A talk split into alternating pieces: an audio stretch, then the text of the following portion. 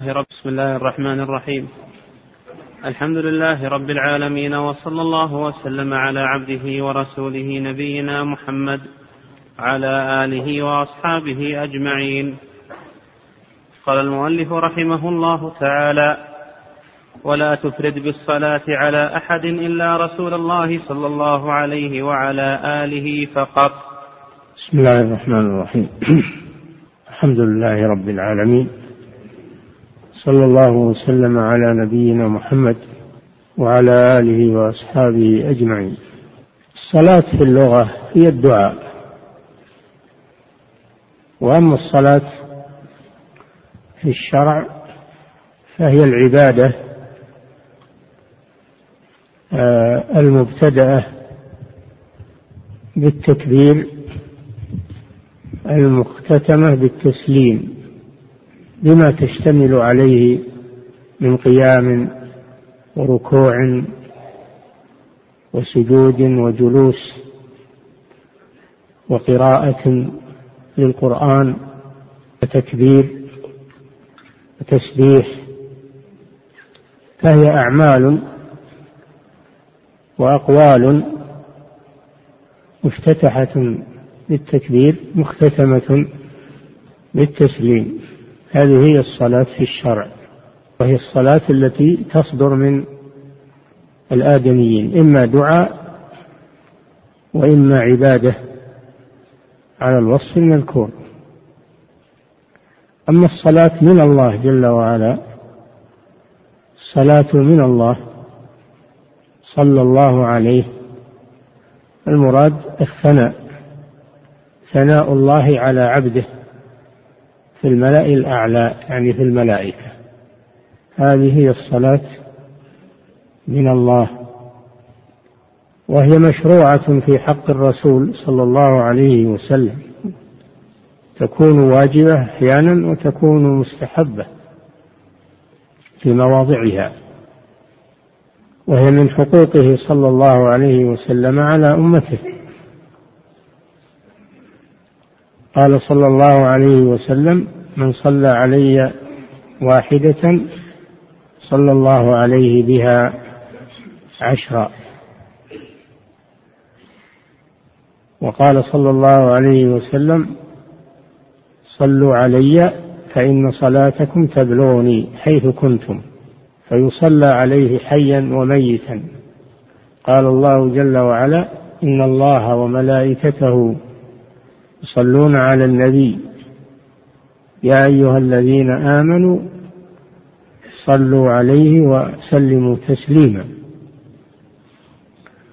ويصلى على آله وصحابته تبعا له صلى الله عليه وسلم. فتقول صلى الله اللهم صل على محمد وعلى آله وأصحابه وعلى آله وأصحابه. فإذا جمع بين الآل والأصحاب فالآل هم القرابة للرسول صلى الله عليه وسلم والأصحاب جمع صحابي.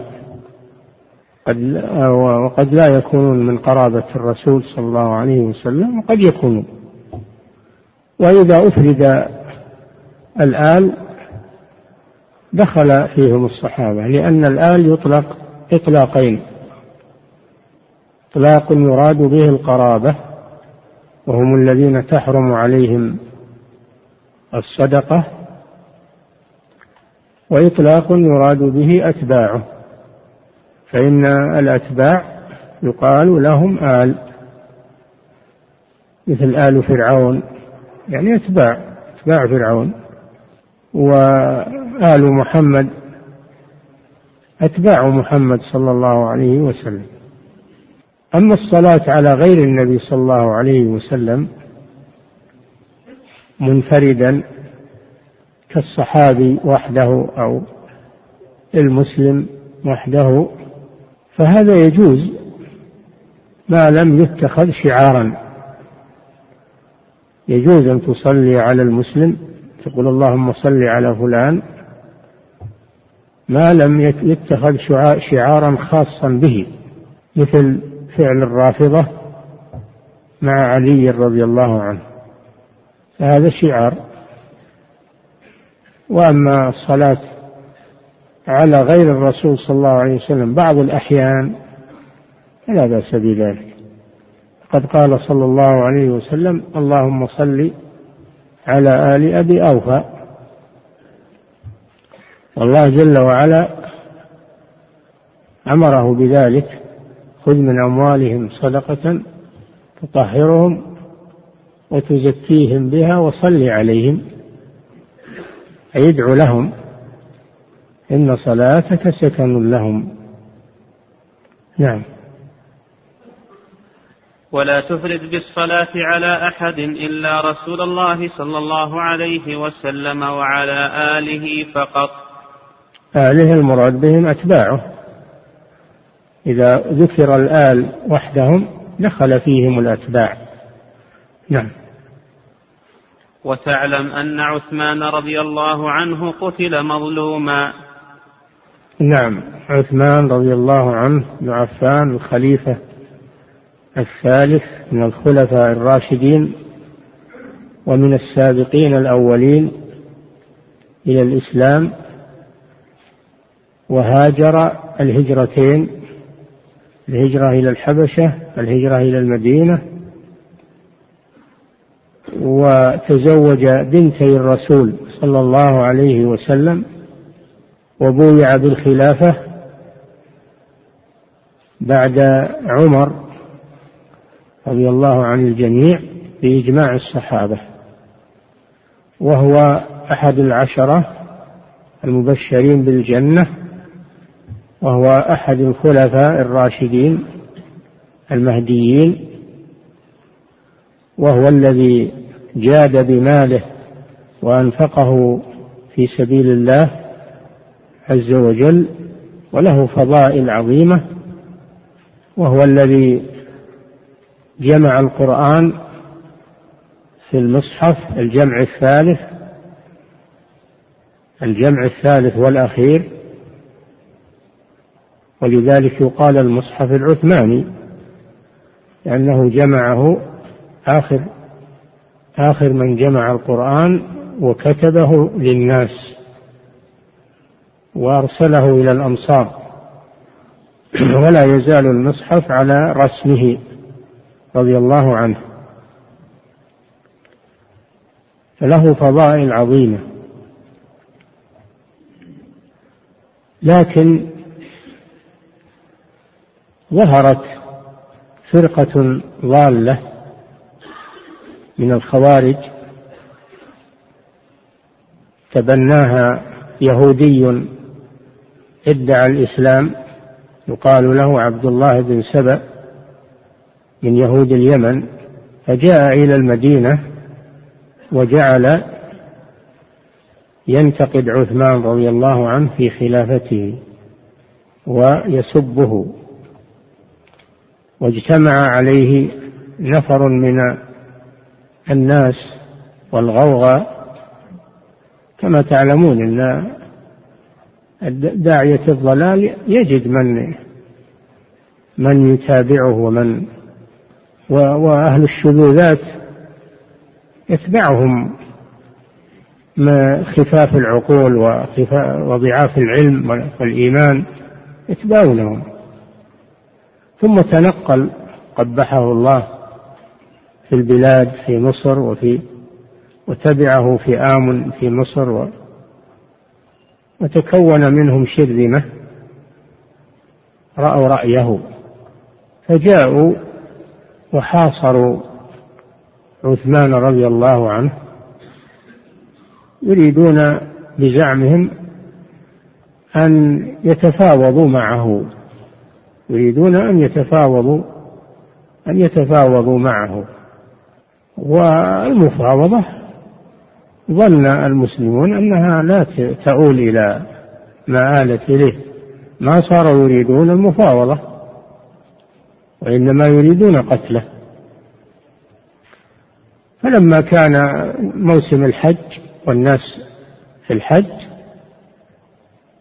هجموا عليه بالليل في بيته تصوروا عليه في بيته آخر الليل فقتلوه رضي الله عنه مظلوما. قتلوه مظلوما. ونال الشهادة نال الشهادة في قتلهم له رضي الله عنه. فقتل شهيدا صابرا محتسبا. فهؤلاء هم الذين قتلوا عثمان وهم ظالمون لأنهم خرجوا على إمام المسلمين ولا يجوز الخروج على إمام المسلمين حتى لو فرضنا أن عنده أخطأ دون الكفر فلا يجوز الخروج على آحاد الولاة. فكيف بولي أمر من صحابة رسول الله ومن الخلفاء الراشدين وممن له فضائل عظيمة لا يجوز الخروج على ولي الأمر ولكنهم ما اكتفوا بالخروج غدروا به واغتالوه رضي الله عنه وهم يزعمون أنهم يريدون التفاوض معه. فهذا حاصل قصة عثمان. فيجب أن تعرف هذا. أن تعرف أنه رضي الله عنه مظلوم وأن قتلته ظالمون من الخوارج. قبحهم الله. نعم. وتعلم أن عثمان رضي الله عنه قتل مظلوما ومن قتله كان ظالما. نعم. ومن قتله كان ظالما. فمن أقر بما في هذا الكتاب وآمن به واتخذه إماما ولم يشك في حرف منه ولم يجحد حرفا منه فهو صاحب سنة وجماعة. نعم. ما ذكر في هذا الكتاب هو اعتقاد أهل السنة والجماعة. ما جاء بشيء من عنده وإنما ذكر ما عليه أهل السنة والجماعة. في مسائل الاعتقاد. ولم يقل من لم يعتقد ما قلت وإنما قال من لم يعتقد ما في هذا الكتاب. وهو أصول مذهب أهل السنة والجماعة. فلا مأخذ عليه في هذا الكلام كما ظنه بعض القراء. لا مأخذ عليه في هذا لأنه دون في هذا الكتاب أصول أهل السنة والجماعة فمن أنكر شيئا منها أو أنكرها فهو ضل بلا شك. نعم. ولم يجحد حرفا منه فهو صاحب سنة وجماعة. حرفا يعني كلمة كلمة مما قال يراد بالحرف الكلمة والكلام والأصل من الأصول التي ذكرها. نعم. فهو صاحب سنة وجماعة كامل قد كملت فيه الجماعة. نعم لأنه اعتقد ما عليه أهل السنة والجماعة مما ذكر في هذا الكتاب.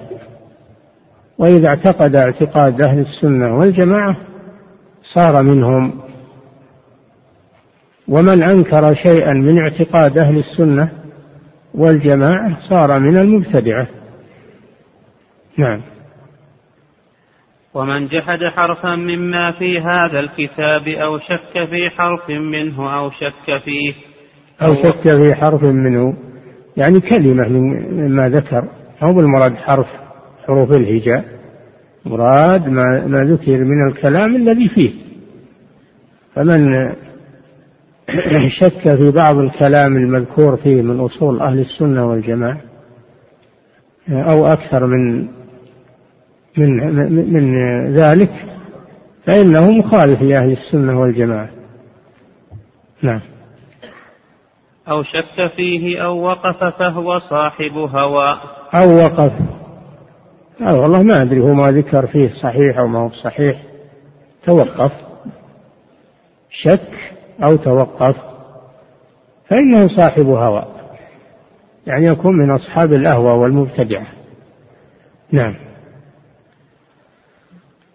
ومن جحد أو شك في حرف من القرآن أو في شيء جاء عن رسول الله صلى الله عليه وسلم لقي الله مكذبا. نعم. من شك في شيء من القرآن ولو حرفا من القرآن لو شك في حرف أو كلمة فهو كافر. لأنه مكذب لله عز وجل. أو شك في شيء من كلام رسول الله صلى الله عليه وسلم الثابت عنه. ويقول صحيح عن الرسول هذا لكن أنا ما أعتقد ما فيه أو أشك أو أتوقف. فهو مكذب للرسول صلى الله عليه وسلم لأن الواجب التصديق الجازم لكلام الله وكلام رسوله صلى الله عليه وسلم وأن لا يتردد الإنسان. أو يتوقف في شيء من ذلك. بل يؤمن بالقرآن كله ويؤمن بما صح عن الرسول صلى الله عليه وسلم كله على ما جاء عن الله ورسوله. لا يشك أو يتوقف في ذلك. هذا سبيل أهل الإيمان. التصديق بما في كتاب الله وبما في سنة رسول الله صلى الله عليه وسلم. نعم.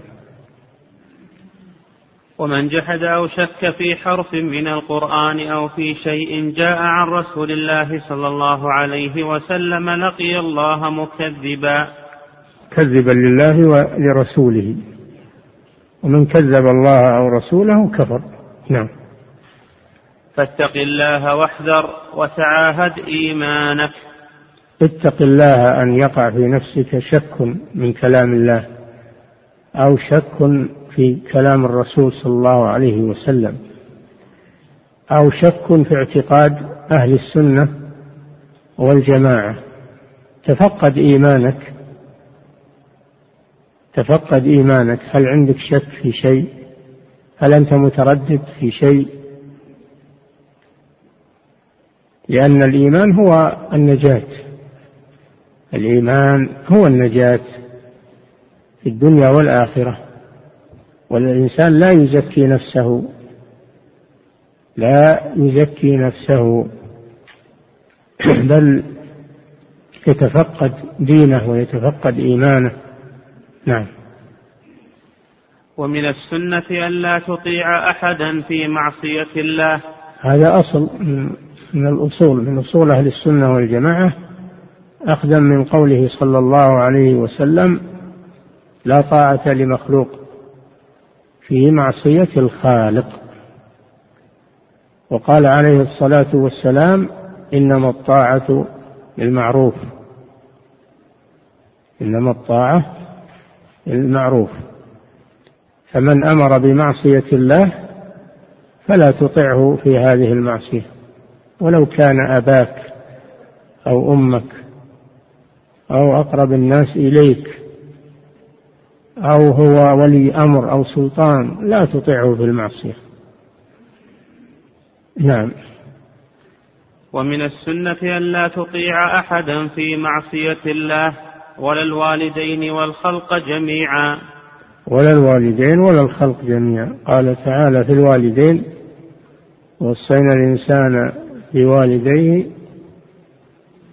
حملته أمه وهنا على وهن وفصاله في عامين أن اشكر لي ولوالديك إلي المصير وإن جاهداك على أن تشرك بي ما ليس لك به علم فلا تطعهما وصاحبهما في الدنيا معروفا واتبع سبيل من أناب إلي.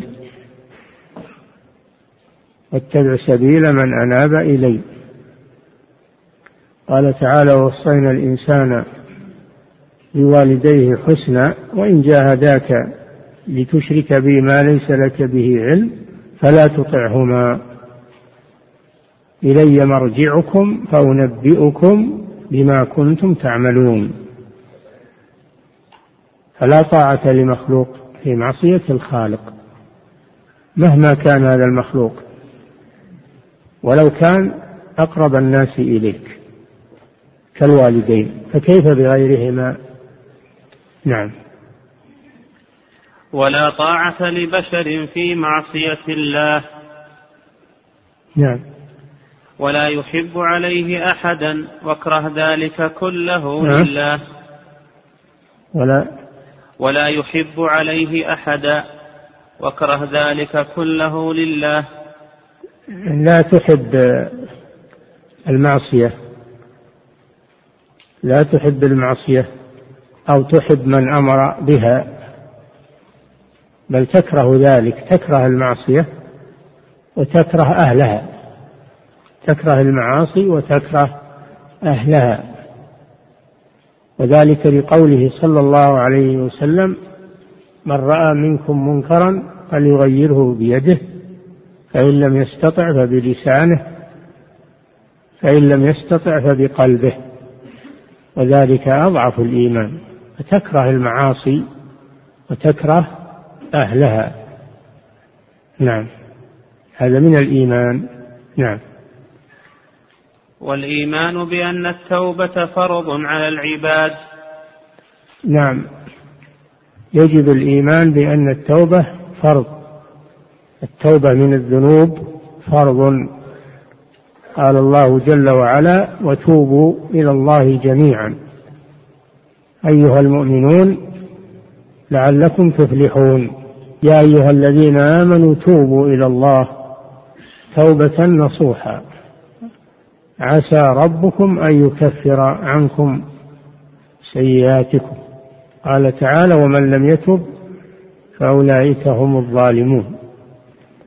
فيجب على المسلم أن يتوب من ذنوبه وسيئاته ولا يستمر عليها أو يصر عليها أو يتساهل بها.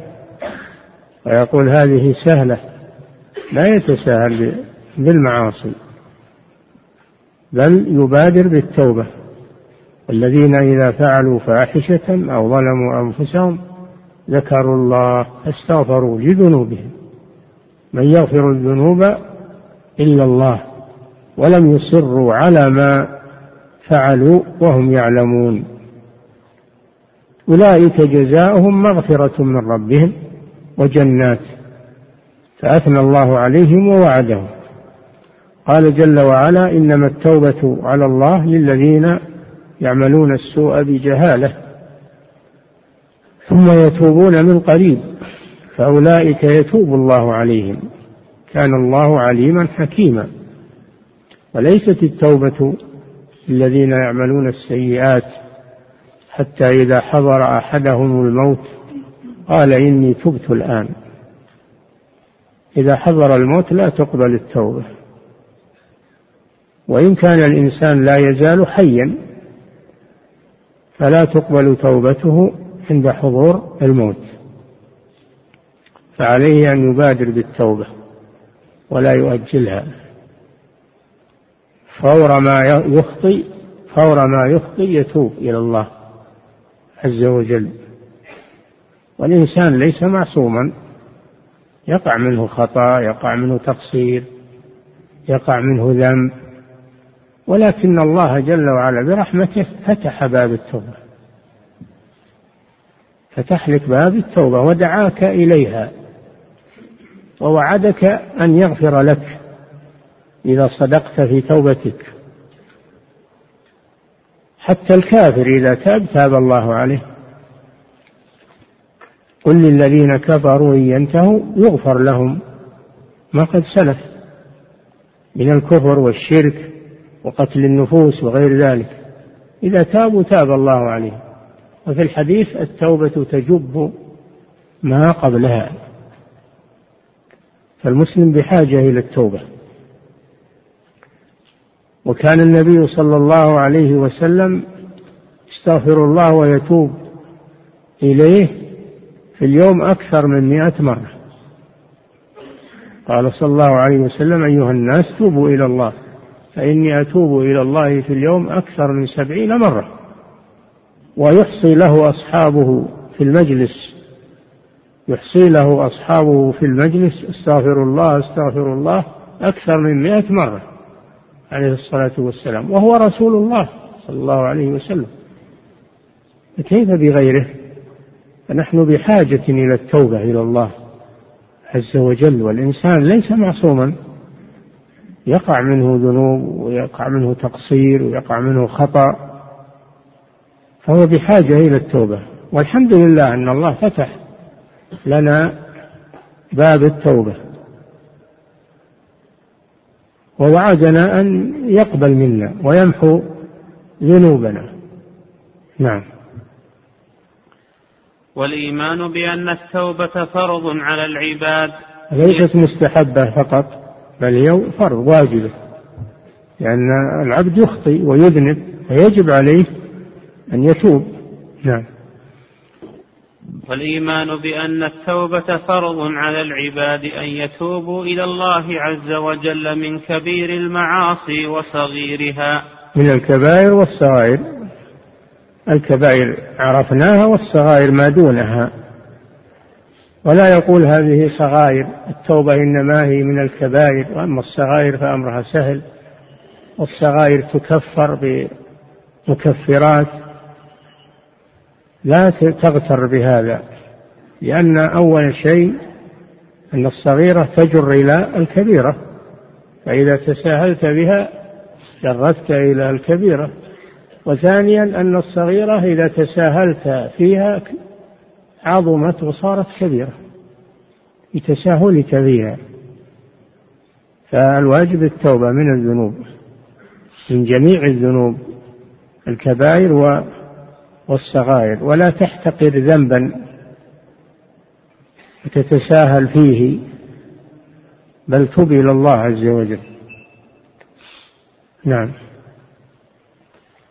ومن لم يشهد لمن شهد له رسول الله صلى الله عليه وسلم بالجنة فهو صاحب بدعة وضلالة. الشهادة بالجنة أو بالنار هذا عند أهل السنة والجماعة فيه تفصيل. فمن شهد له رسول الله صلى الله عليه وسلم بجنة أو نار شهدنا له بذلك. شهدنا له بذلك لأن الله سبحانه وتعالى لأن رسول الله صلى الله عليه وسلم لا ينطق عن الهوى إن هو إلا وحي يوحى.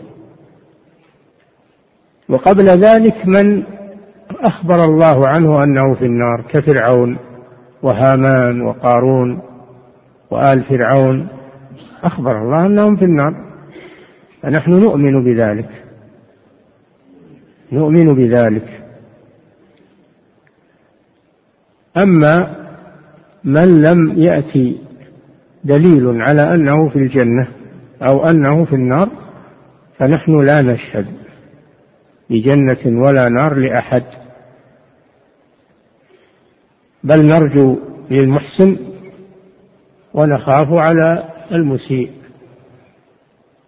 هذا من حيث الأفراد. أما من حيث العموم فنحن نعتقد أن المؤمنين في الجنة. أن المؤمنين كلهم في الجنة وأن الكفار كلهم في النار. من حيث العموم. أما من حيث الأفراد فلا بد من التفصيل. فنحن لا نجزم لأحد بجنة أو نار إلا بدليل من الكتاب والسنة. وقد شهد النبي صلى الله عليه وسلم لأناس من الصحابة أنهم في الجنة. فنحن نقطع أنهم من أهل الجنة بأعيانهم وأشخاصهم. وهم العشرة المشهود لهم بالجنة.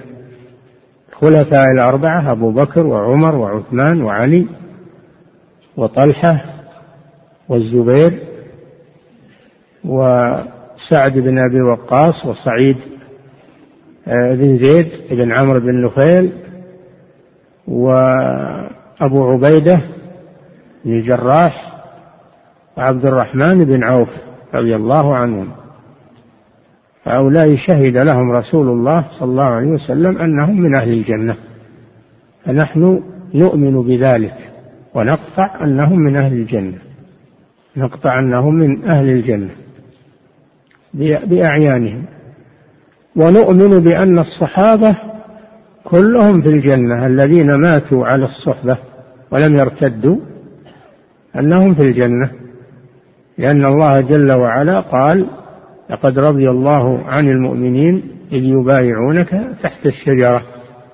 وقال والسابقون الأولون من المهاجرين والأنصار والذين اتبعوهم بإحسان رضي الله عنهم ورضوا عنه وأعد لهم جنات تجري تحتها الأنهار.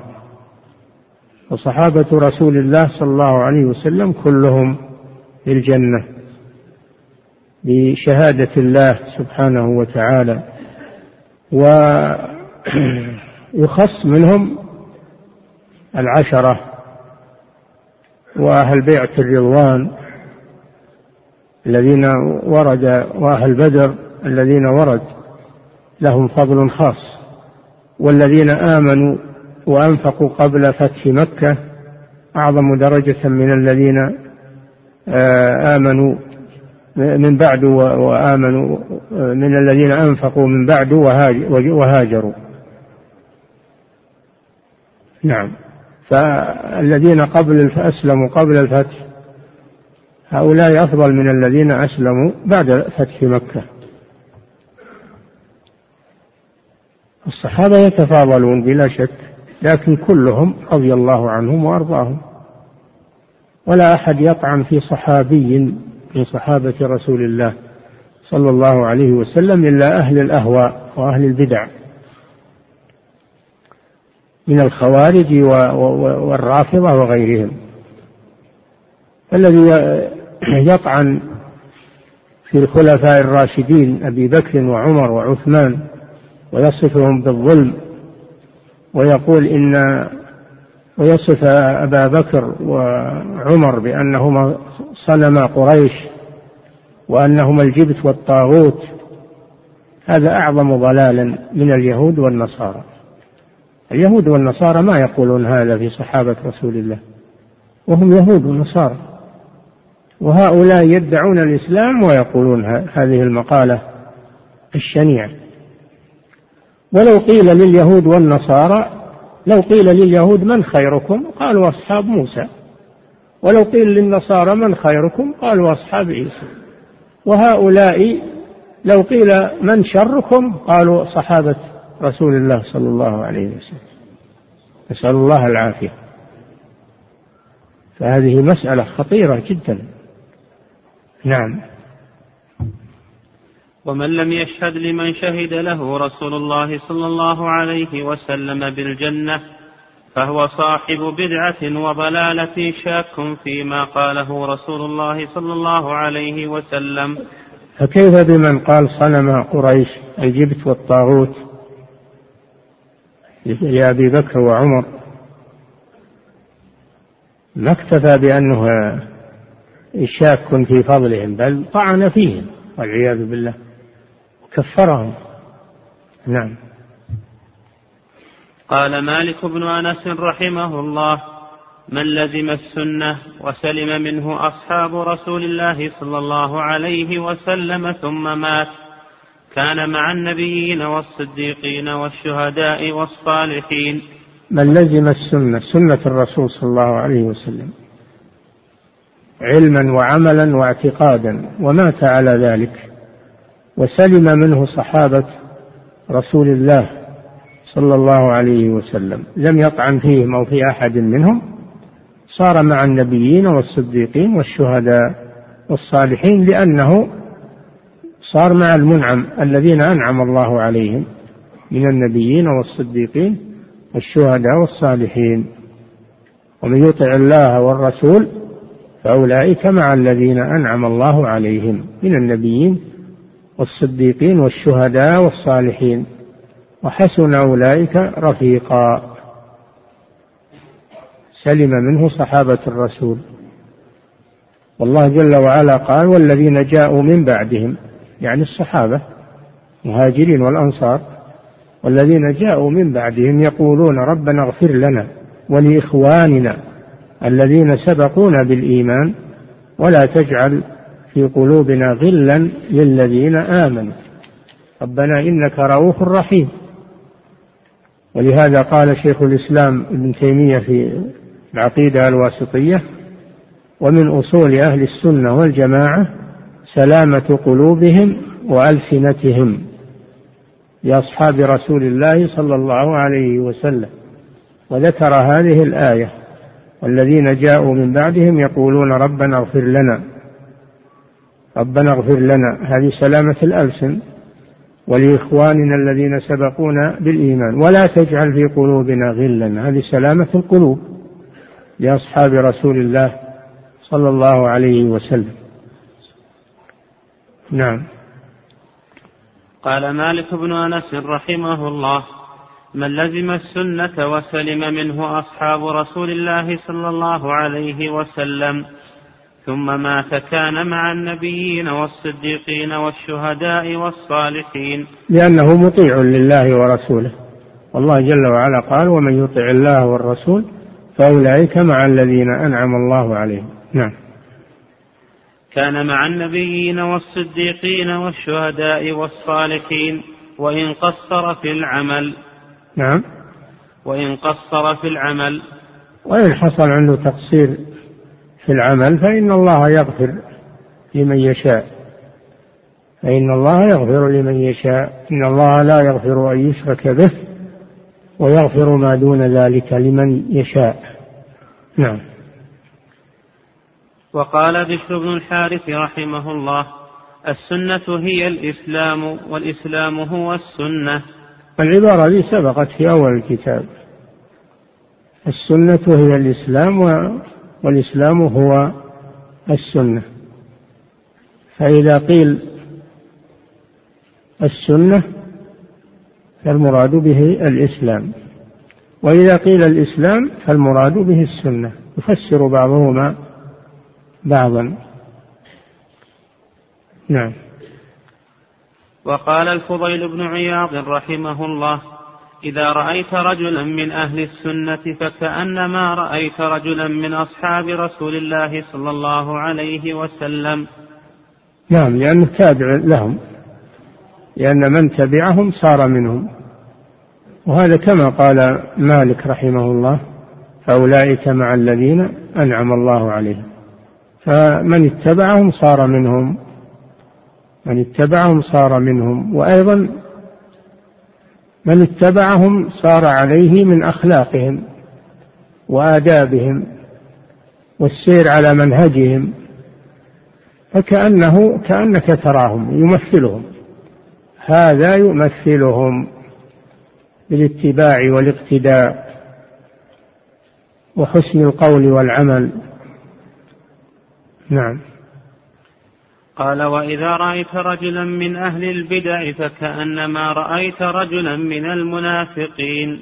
إذا رأيت رجلا من أهل البدع والأهواء المخالفين لأهل السنة فكأنما رأيت رجلا من المنافقين الذين كانوا يدعون الإسلام في الظاهر وهم كفار في الباطن. يريدون المخادعة فأهل الأهوى وأهل البدع فيهم شبه من المنافقين لأنهم يظهرون الإسلام ولكنهم يبتدعون ولا يتبعون السنة. لا يتبعون السنة. هذه صفة المنافقين. نعم. وقال يونس بن عبيد رحمه الله العجب ممن يدعو اليوم إلى السنة وأعجب منه المجيب إلى السنة. نعم صارت السنة غريبة. صارت السنة غريبة. غريب من يدعو إليها وأغرب منه من يعمل بها. فلا شك أنه يأتي أزمان تكون السنة غريبة. في أهلها. وكل ما تأخر الزمان صارت السنة غريبة وأهل السنة غرباء. ولهذا قال صلى الله عليه وسلم بدا الإسلام غريبا وسيعود غريبا كما بدا فطوبى للغرباء. قالوا من الغرباء يا رسول الله؟ قال الذين يصلحون إذا فسد الناس وفي رواية يصلحون ما أفسد الناس. هؤلاء هم الغرباء. وختاما تقبلوا تحيات إخوانكم بمكتبة العلم الصحيح بالجزائر العاصمة.